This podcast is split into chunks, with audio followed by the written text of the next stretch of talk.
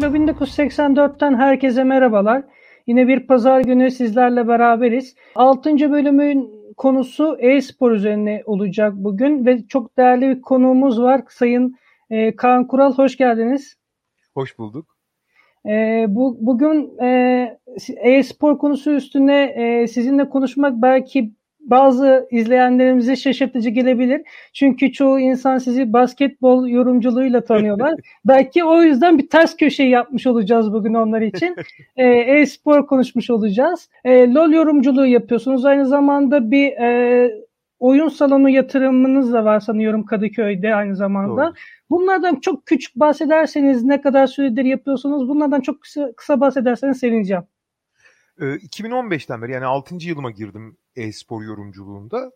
E, oyun kafemde e, tam yaklaşık o sıralarda işte o da 6 yıl oldu yaklaşık. Hı hı, hı. yani küçük bir e, oyun kafesi. E, daha çok masaüstü kart oyunları, bilgisayar bölümü de var ama daha çok masaüstü ve e, kart oyunları üzerine.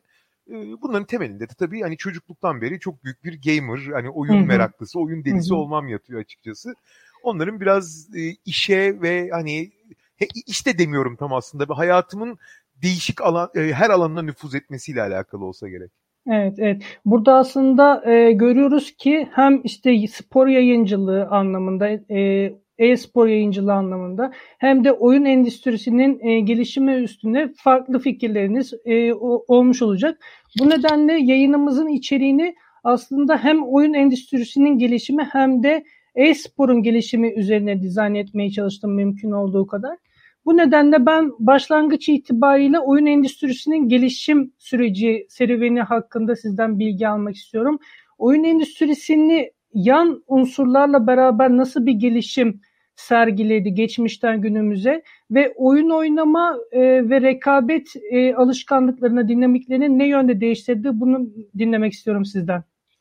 Yani e, oyun dediğimiz şey aslında e, hani insan değil hani tüm hayvan dünyasında da var. İnsanlar oynayarak öğrenir. Oynamak denen şey zaten aslında bir çeşit simülasyondur. Yani hı hı. E, hayatla ilgili bir şeyi simüle edersin orada belli kurallar çerçevesinde. Orada işte e, ödül, e, ceza yöntemlerini öğrenirsin ve bir sürü normal hayatta deneyimleyemeyeceğin veya normal hayatta deneyimlemeden önce yaşayabileceğin bir, bir sürü şeyi yaşarsın. Yani işte e, vahşi hayvanlar avlanmayı öğre, orada öğreniyor. İşte kuşlar uçmayı orada yani oyun oynayarak öğreniyor. İşte kediler e, oyun oynayarak bazı motor becerilerini geliştiriyor. Çocuklar da öyle yani bebekler de öyle. insanlar da öyle aslında. Sonuçta fakat zaman içinde teknoloji geliştikçe, kültür geliştikçe, insan sayısı arttıkça oyunlar da çeşitlenmeye başlıyor. En basitinden işte atıyorum saklambaç muhtemelen ilk insanlarda da vardı. Ama bugün işte Among Us diye bir tane çok popüler oyun var. Yani saklambacın inanılmaz bir dijital versiyonu da diyebilirsin ona. Hı hı. Doğal olarak bu gelişim de sürüyor.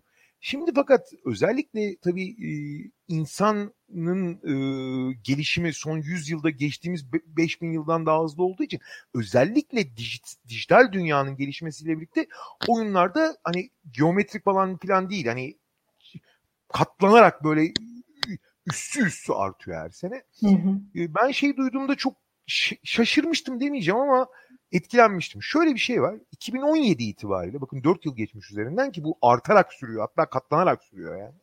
2017 itibariyle Kuzey Amerika'daki oyun prodüksiyon bütçeleri yani oyun üretmek için ayrılan bütçeler Hollywood'un sinema üretmek için artırdığı bütçeleri geçmiş durumda. Kesinlikle. Ki bu büyük bir oranda oyunlar lehine gelişiyor. Kaldı ki e, Hollywood muhtemelen dünyadaki sinema üretiminin yarısından fazlasını üretiyordur. Hani en azından bütçesel anlamda. Oyunlarda öyle bir şey de yok. Oyunlar tüm dünyada üretiliyor. Japonya anormal bir üretici, Çin acayip bir üretici, Çek, Çek Cumhuriyeti müthiş bir üretici, İngilizler, Türkler, Belçikalılar herkes üretiyor. Amerikalılar da tabii çok üretiyor. Amerikalılar gene muhtemelen lider ama ne olursa olsun ya, ya, ya Hollywood gibi değil. Bir dağılım var. Homojen bir dağılım var dünya genelinde. Evet de Amerikalılar gene tabii ekonomik olarak daha fazla üretiyor. Ama şimdi Hollywood'u geçmesi demek bu prodüksiyonun ne kadar büyük, ne kadar kapsamlı ve ne kadar yaratıcı, yaratım üzerine kurulu olduğunu söylüyor. Ben mesela bildiğim bir deneyimden size örnek vereyim. Ee, Riot Games yani benim e, anlatıcılığını yaptığım e, League of Legends oyununun e, üreticisi olan Riot Games'in merkezine gitmiştim Los Angeles'a. Los Angeles'taki Riot Games merkezinde bir ses stüdyoları bölümü vardı. Yani gerçekten bugün en üst düzey e, müzik prodüksiyon e, kali- şeyleri stüdyoları o kadar kaliteli değildir herhalde. Ekipmanlarla. Nitekim, ben size şöyle bir örnek vereyim. Oyun içi yapılan müzikleri yapıyorlar temelde ama tabii acayip müzisyenlerle çalışıyorlar. Ee, iki sene önce bir albüm çıkardılar Pentakill diye. Ee, oradaki müzisyenler oyun için yaptıkları müziklerden kendi şarkılarını falan besteleyip sonra solistleri olmadığı için işte değişik e, rock ve heavy metal müziği solistleriyle çalıştılar. Uzun süre Billboard listelerinde kaldı bu albüm. Yani bu sadece şimdi müzik tarafı. Bunun içinde grafik yani grafikte zaten dünyadaki grafiğin gelişiminin çok çok çok büyük bir e, bölümünü oyun e, motorları ve oyun üreticileri sağlıyor. Bugün mesela e, bu teknolojik gelişim ve yatırım o kadar büyük ki yepyeni dünyalar yaratılıyor. Mesela bugün işte e, nasıl e, Lord of the Rings bir kitaptan e, George R. R. Martin'in pardon George R. R. Martin nereden çıktı o şey Game of Thrones'un e, J.R.R. Tolkien'in e, kafasında yarattığı dünya nasıl kitapta hı oluşmuşsa hı hı. işte oyun yaratıcılarının yarattığı işte Worldcraft'lar olsun, Runeterra'lar olsun, e, bu tip dünyalar işte şey olsun e, e, fan, değişik fantezi dünyaları olsun. Bunlar gerçek hayata geçiyorlar. Ve yaşayan online olarak yaşayan hayatlar, EVE online'lar falan yaşayan e, birer ekosistem açıkçası. Hı hı. E, ve buralardan mesela şey en son Unreal diye bir tane oyun motoru geliştiriliyor. İşte Unreal çok ünlü oyun motorlarından biri. Unreal 5 ile yapılan sinema filmleri var. Gerçekten film yapabiliyoruz. Yani daha doğrusu dizi çekebiliyorsunuz yani. E, buradaki prodüksiyonlar da özellikle dijital anlamda inanılmaz e, seviyelere çıkmış durumda. Peki bir taraftan oyun mesela, Dinliyorum. Bir taraftan mesela senaryolar falan da inanılmaz. Yani öyle oyun senaryoları var ki bugün en kaliteli e, kitaplardan, en kaliteli, en sürükleyici romanlardan daha etkileyici olabilir. Veya öyle strateji oyunları var ki benim mesela arkadaşlarımla sohbet ediyoruz. Hani ben tarihe biraz meraklıyımdır. Hani tabii tarihi okudum ettim falan ama Civilization oynayarak ciddi ciddi e, insanlık tarihi hakkında çok temel gerçek bilgi alabiliyorsunuz. Kesinlikle. Yani gerçekten oyunların diğer yan unsurlara yani işte film gibi, kitap gibi diğer sanatsal, kültürel aktivitelere de artık etki yarattığı çok net bir şekilde aşikar. Eskiden belki kitaplardan film yapılıyordu, oyun yapılıyordu. Şimdi oyunlardan film veya kitaplar üretiliyor. doğru, doğru. Düzeyine düzeyine geldik gerçekten. Peki oyuncular için nasıl bir etki yarattı oyun endüstrisinin bu kadar gelişim göstermesi, içeriklerin kaliteli hale gelmesi, e, oyun oynama ve rekabet güdülerini, duygularını ne yönde geliştirdi ya da e, belki aksi yönde bir gelişme kat, kat ettirdi insanlar üstünde? Ya şöyle e, insanların e, sosyal ilişkilerini bir çok hafif zedelediğini söyleyebiliriz. Yani sonuçta doğal olarak ciddi bir zaman alıyor yani bir insanın da sonsuz zamanı yok. E, ama bir taraftan da başka tür bir sosyalleşme yani online e, sosyal avatarlar üzerinden sosyalleşme yapıyor. Bunun çarpık tarafları var. Daha yeni olduğu için e, çok kurallarının konmamışlığı var. İnsanların fiziksel olarak olmadıkları yerde e, aslında kendileri değil olmak istedikleri kişiyi yansıtmaları var. Veya işte bireysel olarak orada bir yaptırıma tabi tutulmadıkları zaman e, başka konulardaki rahatsızlığın oraya e, toksisite olarak yansıtması var. Bunlar e, negatif taraf. Ama pozitif taraflarına bakarsan bir kere her şey bir tarafa hayat da çok keyif alınabilecek başka bir eğlence yarattı. Yani sonuçta hayatta yapmak istediğin çok ulvi, çok değerli, çok hem toplumsal hem bireysel çok değerli hayata katkıların olacağı gibi aynı zamanda insan bir de bu dünya bu gezegende geçirdiği zamanı kaliteli ve keyifli geçirmek istiyor. Kaliteli ve keyifli geçirmek için bir kere çok iyi bir yöntem. Yani iyi bir işte iyi bir çay içmek gibi, iyi bir film seyretmek gibi bir şey aynı zamanda. O geçirdiğin zamanı kaliteli hale getiriyor. Bir. İkincisi e, her her şeyin bir kere çoğu zarardır. Yani oyunu da çok oynasan zarar. Brokoli mesela oturup 2 kilo brokoli yesen de zararlı. Ama dozunda yaparsan e, bir keyif alıp eğlenmen bir tarafa kültürel olarak biraz evvel söyledim işte. Civilization oynayarak tarih hakkında çok ciddi bilgi sahibi olabilirsin. İşte E, herhangi bir e, spor oyunu veya normal e, işte aksiyon oyunu oynadığın zaman el göz koordinasyonunu, odaklanmalı, konsantrasyonunu artırıyor. Fakat her şeyden önemlisi oyunların hemen hemen hepsi bir iki istisnası dışında, çok casual oyunlar dışında hı hı. stratejik düşünmeyi çok geliştiriyor.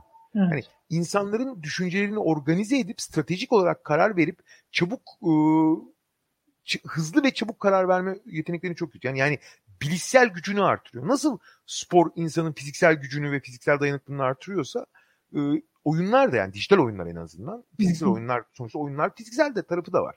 Ama dijital oyunlarda bilişsel e, gücünü arttırıyor.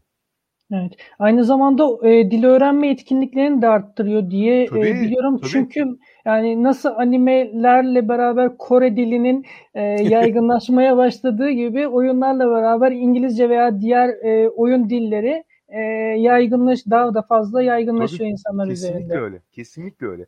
Yani e, baştan aşağı İngilizce olan bir şeyi az bir İngilizceyle takip ettiğin zaman hani maruz kalıyor. Bir şey gibi e, çok uzun süre oynadığın zaman hani yabancı bir ülkeye gitmiş gibi oluyorsun yani. Tabii. Hani 3 ay İngiltere'ye dil kursuna gitmek gibi değil ama ona yakın bir şey oluyor sonuçta. kesinlikle, kesinlikle. Ben buradan da o zaman e, e-spor kavramının e, ortaya çıkış sürecinden e, sizin yorumlarınızı dinlemek istiyorum.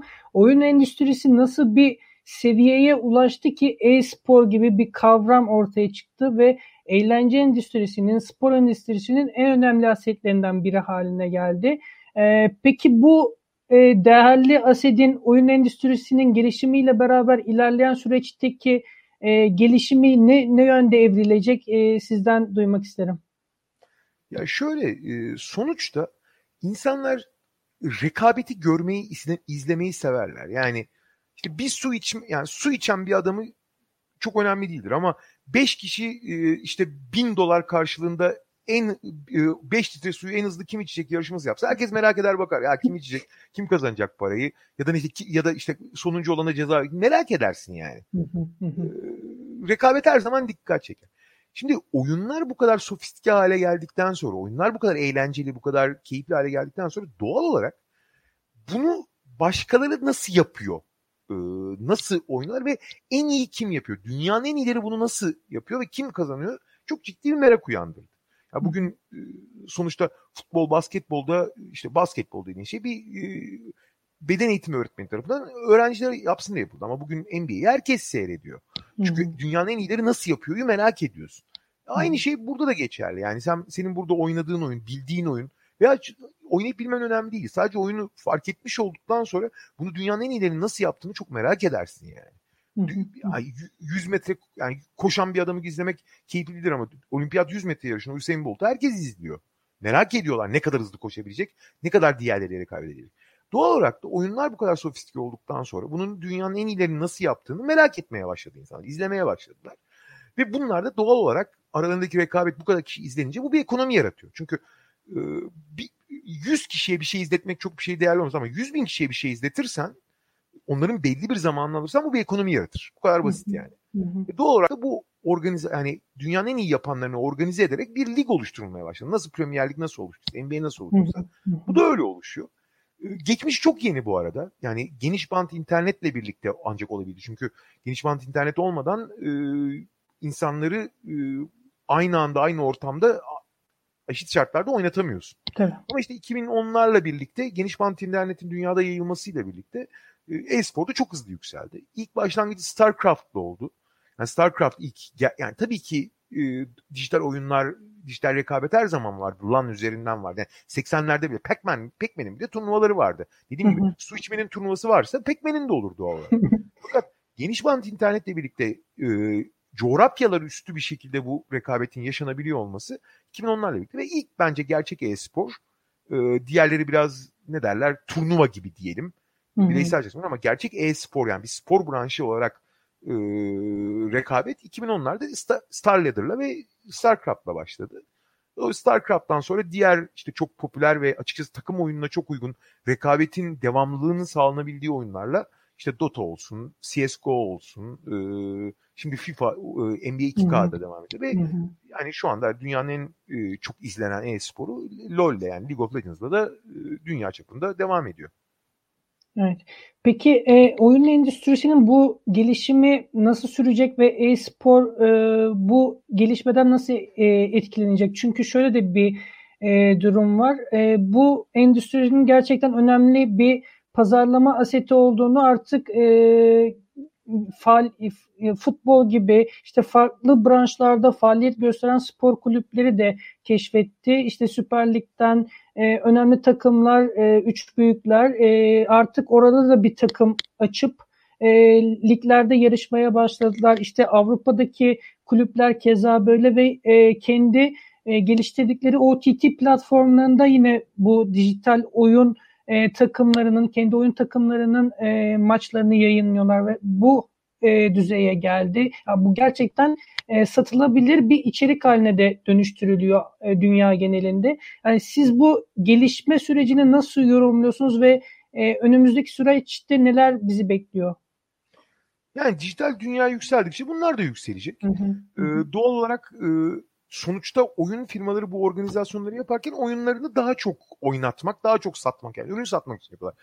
Fakat e-spor e, oyunun kendisinden çok farklı bir ekonomik büyüklüğe ve ekonomik yaratıma ulaştı. Çünkü evet. e, nasıl e, işte oyunu oynatıyorsun evet yani ben mesela iyi bir e-spor maçında heyecanlanıp aynısını oynamak istiyorum yani benzerini yapmak istiyorum.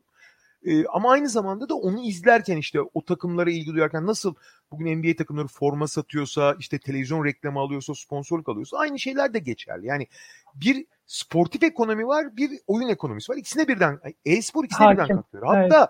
oyun dünyasına katkı vermese bile, bir pazarlama aracı olmasa bile kendi kendine izleyicisiyle birlikte yarattığı ekonomi zaten onu yeterince büyütüyor, daha da büyütecek. Hani evet. dünyada spor organizasyonu nasıl büyüyorsa e-sporda en yeni, en dijital, en kültürler üstü organizasyon olarak hepsinden çok daha hızlı büyüyor zaten. Kesinlikle. Dediğiniz gibi bu kapsal, kapsayıcılığıyla da hatta e, 2020 Tokyo Olimpiyat oyunlarına katılması e, dahilinde bir tartışma meydana geldi. E, bir değerlendirme sürecine tabi tutuldu. Ama e, ne yazık ki e, katılma durumu pek e, mümkün olmadı. Onun yerine breakdance e, Tokyo Olimpiyatlarında e, dahil oldu. E, Tokyo'da peki siz... Paris'te oldu. Paris'e yani katılacak Tokyo... breakdance. Evet. Öyle breakdance mi? Paris. Şöyle, ha, pardon. E, Paris çok istiyordu 2024 yani. Ee, hı hı, Paris hı, Olimpiyat evet. Komitesi çok istiyordu Fransa Olimpiyat Komitesi. IOC izin vermedi. Yani Uluslararası hı. Olimpiyat Komitesi. Çünkü Uluslararası Olimpiyat Komitesi daha gelenekçi, daha geleneksel yaklaştığı için olimpik ideal yani Stius, Altius, Fortius Hı, daha yükseğe, evet. daha güçlü, daha hızlıyı e, karşılamadığını düşünüyor e-sporun. Onlar daha gelenekçi bakıyorlar. Belli açılardan haklılar bir şey diyemem. Hı hı. E, ama mesela organizasyon komitesi çok isterken, mutlaka isterken Uluslararası Olimpiyat Komitesi izin vermedi. Evet. Fakat şöyle bir şey var. E, bu değiş yani kaçınılmaz bir dö- dönüşüm. Belki olimpiyatta olmayabilir hiçbir zaman ama bunun ne kadar büyük olduğunu şöyle göstereyim. Asya oyunlarında yani Asya olimpiyatlarında, global olimpiyat, Asya oyunlarında Hı-hı. 2019 yılında yer aldı e-spor. Evet. En çok izlenen spor oldu. En çok izlenen şey oldu. Yani olimpiyatta olmasın önemli değil ki. Bunun ne kadar izlendi ve ne kadar ilgi çekti. Özellikle Asya'da. Şimdi dünyanın değişik yerlerinde de tabii ki her yerde büyüyor ama belli yer. Asya'da mesela şu anda bütün geleneksel sporlarla rekabet edebilecek seviyeye gelmiş durumda e-spor. Peki e, ben az önce de bahsettik bu olimpiyat mottosu Stius Altius Fortius e, bu motto üstünden e-sporun geçerliliğini siz kişisel anlamda nasıl yorumluyorsunuz? Ya şimdi Sitius Altius Fortius'u tam olarak karşılamıyor ama şimdi Sitius Altius Fortius yani ta e, antik Yunan'dan gelen olimpik hı hı, felsefe hı. o şimdi dünya değişiyor ve hayat değişiyor. Sen hı hı. 2000 yıl önce gelmiş her ne kadar çok değerli olsa da çok temel olsa da e, şartlar değiştiği zaman buna karşı bir değişim yaşayabilmelisin. E, yıllar yılı yani dijital dünya ortaya çıkana kadar spor denen kavram beden eğitimiyle çok eşleştirildi ve fiziksel bir e, rekabet üzerinden kurgulandı. Yani hı hı. işte daha hızlı, daha güçlü, daha yükseğe. Bu temeli. Çünkü işte güreş yapıyorsun, yok ne bileyim koşu yarışı yapıyorsun, ata biniyorsun falan. Hani insanın fiziksel olarak e, en üst seviyesiydi. Fakat hı hı. iş değiştiği zaman e, işin içine zihinsel güçler ve zihinsel rekabet girdiği zaman, stratejik rekabet girdiği zaman bunun yani tam olarak şeyi rekabeti, olimpik yani çünkü temelde rekabet var. Karşındaki insandan daha üstün bir şey yapıp yapamadığını gösteriyorsun. Hı hı hı. Bunu tam olarak karşılamıyor. Ama o karşılamadığı zaman açıkçası bunun kategorisine gir evet bu idealin kategorisine girmiyor ama olimpik idealin değişmesi lazım belki de. ya da en azından mottonun değişmesi lazım. Hı hı, Başka hı. bir örnek vereyim. Ee, okçuluk bugün olimpik bir spor ve yılların sporu zaten hani orta hı hı. ilk çağdan beri hatta ne antik şey e, e, şey öncesi çağdan beri e, ilk çağlardan beri hatta çağdan yontma taş devrinden beri insanın en çok kullandığı Kesinlikle avlanmak Ama amaçlı. Bugün, bugün okçulukla e-spor oyunculuğu arasında fiziksel beklenti açısından hiçbir fark yok neredeyse. Orada da işte el göz koordinasyonu, konsantrasyon, hedefleme, isabet vesaire gerekiyor. Aynı şey daha çok daha büyük oranda e-sporda gerekiyor mesela. Evet. evet. Ee, ama hani işte okçuluk hani yıllardır kabul ediyor. Şimdi okçulukta nerede? Daha güçlü, daha yüksek e, şey e, daha hızlı var mı? Yok öyle bir şey. Okçuluk niye var o zaman yani? Hani ben bunu kıyaslamak için söylemiyorum. Ee, ama hani yıllar içinde böyle gelmiş. Doğal olarak insanın yeniye olan bir korumacı yaklaşımı, bir muhafazakar yaklaşımı her zaman vardı. Bu insanın doğasında olan bir şey. Ve e-sporu işte e, bilgisayar başında oturan e, asosyal çocuklar gibi görmek ve onların işte olimp, olimpik sporcunun işte güçlü fiziği, zinde fiziği, işte sağlam kafa sağlam vücutta bulunur ilkeleri gibi, Atatürk'ün söylediği ilkeler gibi e, kalıpları oturttuğun zaman çok daha rahat ediyorsun. Çünkü yıllardır öyle yaşamışsın. Ama bu Hı-hı. kalıpların belki de değişmesi gerekiyor o zaman. Yeniliğe bir şekilde artık adapte olmamız gerekiyor. Yani geçmişteki e, kültürleri tabii bunları kabullenmemiz gerekiyor. O değerleri yine e, yaşatmamız gerekiyor ama bu değerleri e, günümüzle bir şekilde endeks endeksleyebiliriz. Yani bunları geliştirebiliriz. E, peki Valla ben şöyle söyleyeyim. Şöyle söyleyeyim. Yani e, doğal olarak e-sporcular da hani olimpiyat olimpik olup hani herkesin e, ne kadar e, bunun önemini anlamasını bekliyor. Yani Kesinlikle. biraz meşruiyet kazanmak istiyor. Ama diğer taraftan baktığın zaman ya Paris Olimpiyat Komitesi niye istiyor e-sporu? Bugün olimpiyata en büyük heyecan verecek olan şey e-spor olacak. Yani Kesinlikle. bugün artık yani e-sporun e-spor o kadar yükseldi ki e-sporun artık olimpiyata ihtiyacı yok. Olimpiyatın biraz e-spora ihtiyacı var. Kesinlikle aynı kanattayım ben de. Çünkü milyarlara varan bir izleye, izleyici kitlesi Tabii. oluştu gerçekten yani. Özellikle yani Asya'daki e, yarattığı etki inanılmaz. E, ben aslında Asya'da, bu... Asya'da inanılmaz. Asya'da inanılmaz yani. Asya'da e, hani bütün geleneksel fiziksel sporlarınla başa baş gelmiş durumda. Kuzey Amerika'da işin ilginç Amerika kıtasında da çok iyi. Avrupa biraz daha geriden geliyor. Evet. Avrupa biraz daha belki yani daha gelenekçi bir ve yani çok daha kültürel olarak çok daha e, derinlere gittiği için belki hı hı, Avrupa'da hı. da yükseliyor bu arada. Mesela Kuzey Avrupa'da çok hızlı yükseliyor ama Güney Avrupa'da Kesinlikle. o kadar değil. İsveç ve Danimarka'da da hem oyun endüstrisi, yapım, üretim anlamında çok büyük bir gelişim kat ediyor hem de e, e-sporun e, oynanması ve evet oyuncu anlamında gerçekten İskandinavya'da, İsveç, Danimarka gibi ülkeler e, ön plana çıkmaya başladı. Ben buradan o zaman biraz da kültürel etkilerini e, değinmek istiyorum sizinle birlikte. E, Avrupa kıtasının biraz daha muhafazakar olduğundan bu noktada e, dem vurduk. Türkiye'deki e-sporun gelişimi e, nasıl bir sancılı süreçle birlikte gelişti ve yavaş yavaş artık oturmaya başladı? Çünkü artık Ailelerde bunun bir endüstri olduğunu artık anlamaya başladılar ve buradan para kazanmaya e, artık e, alışkanlık haline gelmeye başladı. Artık insanlar bunu tanıyor, anlıyorlar. E, Türkiye'deki bu gelişimi siz nasıl değerlendiriyorsunuz? E, valla bir taraftan sancılı bir taraftan da çok hızlı oldu. Çünkü Türkiye'nin evet. nüfusu çok genç olduğu ve dijitale çok yatkın oldu. Şimdi mesela Türkiye ekonomik olarak çok çok güçlü olmasa da veya işte e, dijital altyapısı o kadar atıyorum bir Kore kadar gelişmiş olmasa da nüfusunun gençliği ve nüfusunun dijitale yatkınlığı açısından çok hızlı yani neredeyse Asya ülkeleri kadar hızlı yükseldi e-sporda. Evet. Fakat bir taraftan da e, muhafazakar şeyler e, tetiklenmeler çok daha fazla. Yani ya bütün gün bilgisayara bakıyorsun en basit örnek gözün bozulacak. Yani bilgisayara bakma kadar gözün bozulur. İşte e, bütün gün bilgisayar başından git dışarıda şu arkadaşlarınla oyna. Ay asosyal olacak falan.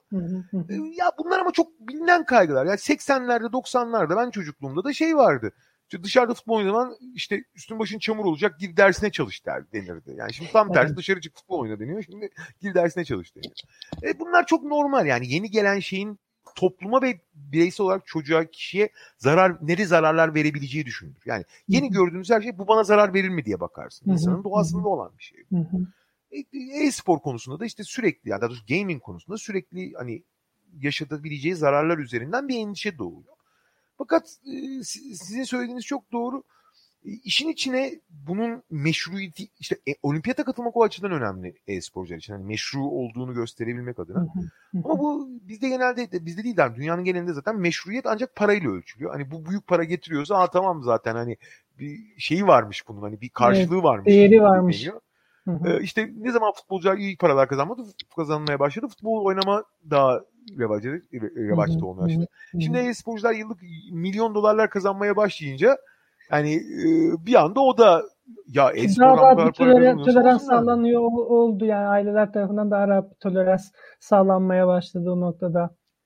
Ya toleransın ötesinde hani ya bunun bir karşılığı varmış. Hani bu hı hı. E, bir e, kişiyi e, bir kariyer anlamında ya da bir e, belli bir yere boş boşa geçen bir zaman değilmiş algısı yaratıldı yani. O algısı Hı-hı. oluştu. Hı hı, kesinlikle, kesinlikle. Ee, artık yavaş yavaş yayınımızı e, isterseniz sonlandıralım. Benim e, sormak istediğim e, sorular bu kadardı. Sizin eklemek istediğiniz, e, yorumlamak istediğiniz herhangi bir şey varsa duymak isteriz sizden. E, gayet yeter yani her şeyi yanıtladık gibi. E, gaming, yani oyun oynamak da o iyi oynayanları izlemek de çok keyifli. Ben de büyük keyif olarak hem yap hem anlatıyorum hem izliyorum. Gayet güzel. Ee, Nisan ayında e, bu e, e-spor e, üzerine kurguladığımız e, programı e, bir başka e, versiyonla daha yenilemeyi e, planlıyoruz. O noktada oyun endüstrisinin önemli isimlerini de konuk etmek istiyoruz. Umarım sizin de yine o zaman diliminde uygun bir zamanınız olur ve aramıza siz de katılabilirsiniz. Umarım. Umarım. E, o zaman e, Sporosfer'in 6. bölümünden e, şimdilik bu kadar. Haftaya pazar günü e, tekrardan e, sizinle birlikte buluşmak üzere. Hepinize hoşçakalın. Hoşçakalın.